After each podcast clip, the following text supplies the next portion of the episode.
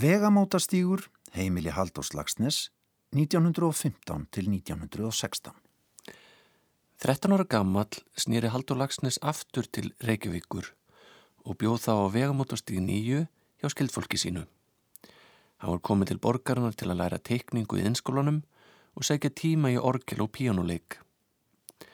Þetta var það formlega listnám sem ungu fólki stóð til bóða á þessum árum og það segir sína sögu að kennarar hans voru frumkvöðlar hvor á sínu sviði. Tekningu kendi Þóraran B. Þorlóksson sem var fyrstur íslendinga til að halda málverkasíningu hér á landi en tónlistakennslu annaðist Eggert Kilfers, einna fyrstu atvinnu tónlistamönnum íslendinga.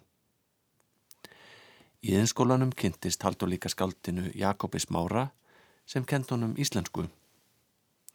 Haldur myndist þessa kennaresins með þakklátum huga í endurminningabókinni Sjömestarasögu.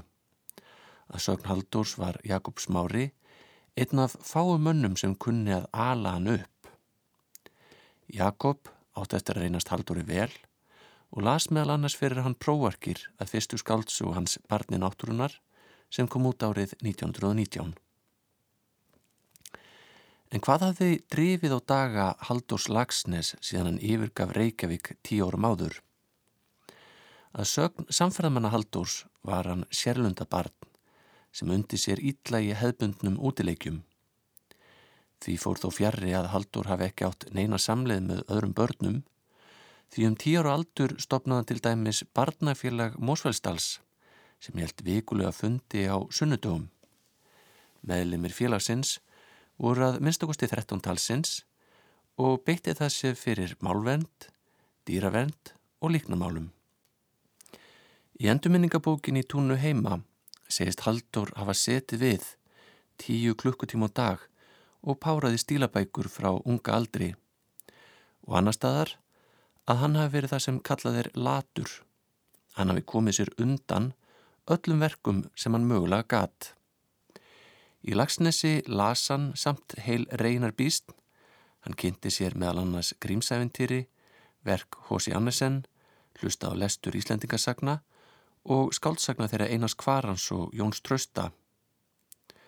Torfildur Holm hafði líka engar djúbstæð áhrif á skáldið á unga aldri en Haldur held í fram að mikill bróglestur í innveru heima hafi vakið hjá hann löngun til þess að búa til bækur sjálfan. Þarna má segja að Haldur vísi á eitt af enkenum höfundarverksins. Því mörg verka hans er nefnilega eins og viðbrað við verkum annara höfunda, nokkur skona svar, afbygging eða jafnvel andmæli. Í þessu sambandi má benda á sjálfstætt fólk sem svar við gróður í jarðar eftir Hamsun og gerplu, þar sem Íslendingasögurnar og romantískar hugmyndir Íslendingum þær eru afbyggðar. Það síðasta sem Haldur tók sér fyrir hendur áður en hann yfirgaf lagsnes var að brenna bernskuverk sín. Því lýsir hann í túrnu heima. Að þessum forna haug bar ég nú sapnverk mitt allt sem ég hefði á skrifandi stund ætlað ókunnum kynnslóðum til indis auka og sálubótar. Sem betur fór átti það fólk ekki eftir að fæðast. Ég heldi yfir allt saman nóri steinolíu og bara eld að. Brátt logaði ágætt bál undir húfunni. Pappir snifsin höku, sviðina kolum, út um hvippin og hvappin í gólunni. Ég held bálinu við, unsi yfir laug og ekki var eftir nema svart bruna flag fyrir dýrum haugbúans. Um morgunin fórum við pappi á stað, áður en bjart var orðið. Hann hefði sjálfur náði í hestana og þeir stóru söðlaðir hlað, á hlaðinu þegar ég kom ofan, en fólkið var ekki komið á fætur. Móður mín gaf okkur kaffi í kokkúsinu og þetta góða bröð. Hún hafði látið vatn á ketilin aftur í nýja hitu handa fólkinu þegar það kemi ofan. Ég vissi vel að ég var að fara heimann fyrir fullt og allt. Við vissum það öll, en letum sem ekkert væri. Þaðir minn var gengin út til hestanna og ég kvatti móður mína í fyrsta sinn. Hún sagði í fyrsta sinn Guð fylgir. Lokið á kallinum var byrjað að glamra því suðan var að koma upp á vatninu í senni hittuna.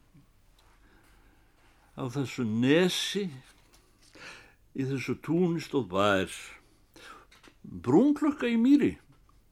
Nei, ekki meir. En alþær lind og ilmur á reyr. Og þegar þú deyr, þá lífir reyr á þessu nesi við þessa lind í þessu túni sem stóð bær. Lind, reyr. Glóðurnar í handritum Haldurs voru vart kulnaðar áður en var aftur tekinn til við reittstörf. Næstu misseri vann hann að skáldsögu sem nefndi dagrenningu og taldi hún þúsund síður áður en yfir laug. Súbók hefur aldrei komið fyrir almenningssjónir. Haldur virðist hálf umkomulös í brotinu sem hann las hér áðan. Þá hefur hann kvart móður sína í fyrsta sinn en nokkrum árum síðar átt hann eftir að hveðja föður sinn í hinsta sinn. Það var árið 1919 og þá var Haldur aftur búsettur á vegamótastík nýju.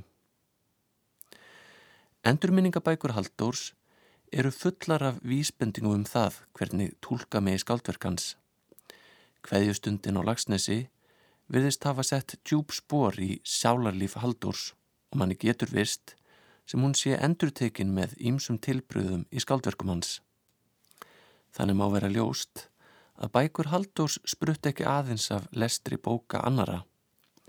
Í þeim er líka þinn á margt sem á rætur að rekja til reynslu hans sjálfs. En nú skulum við halda áfram för okkar en næst stæðnamjumst við við stjórnaráðið.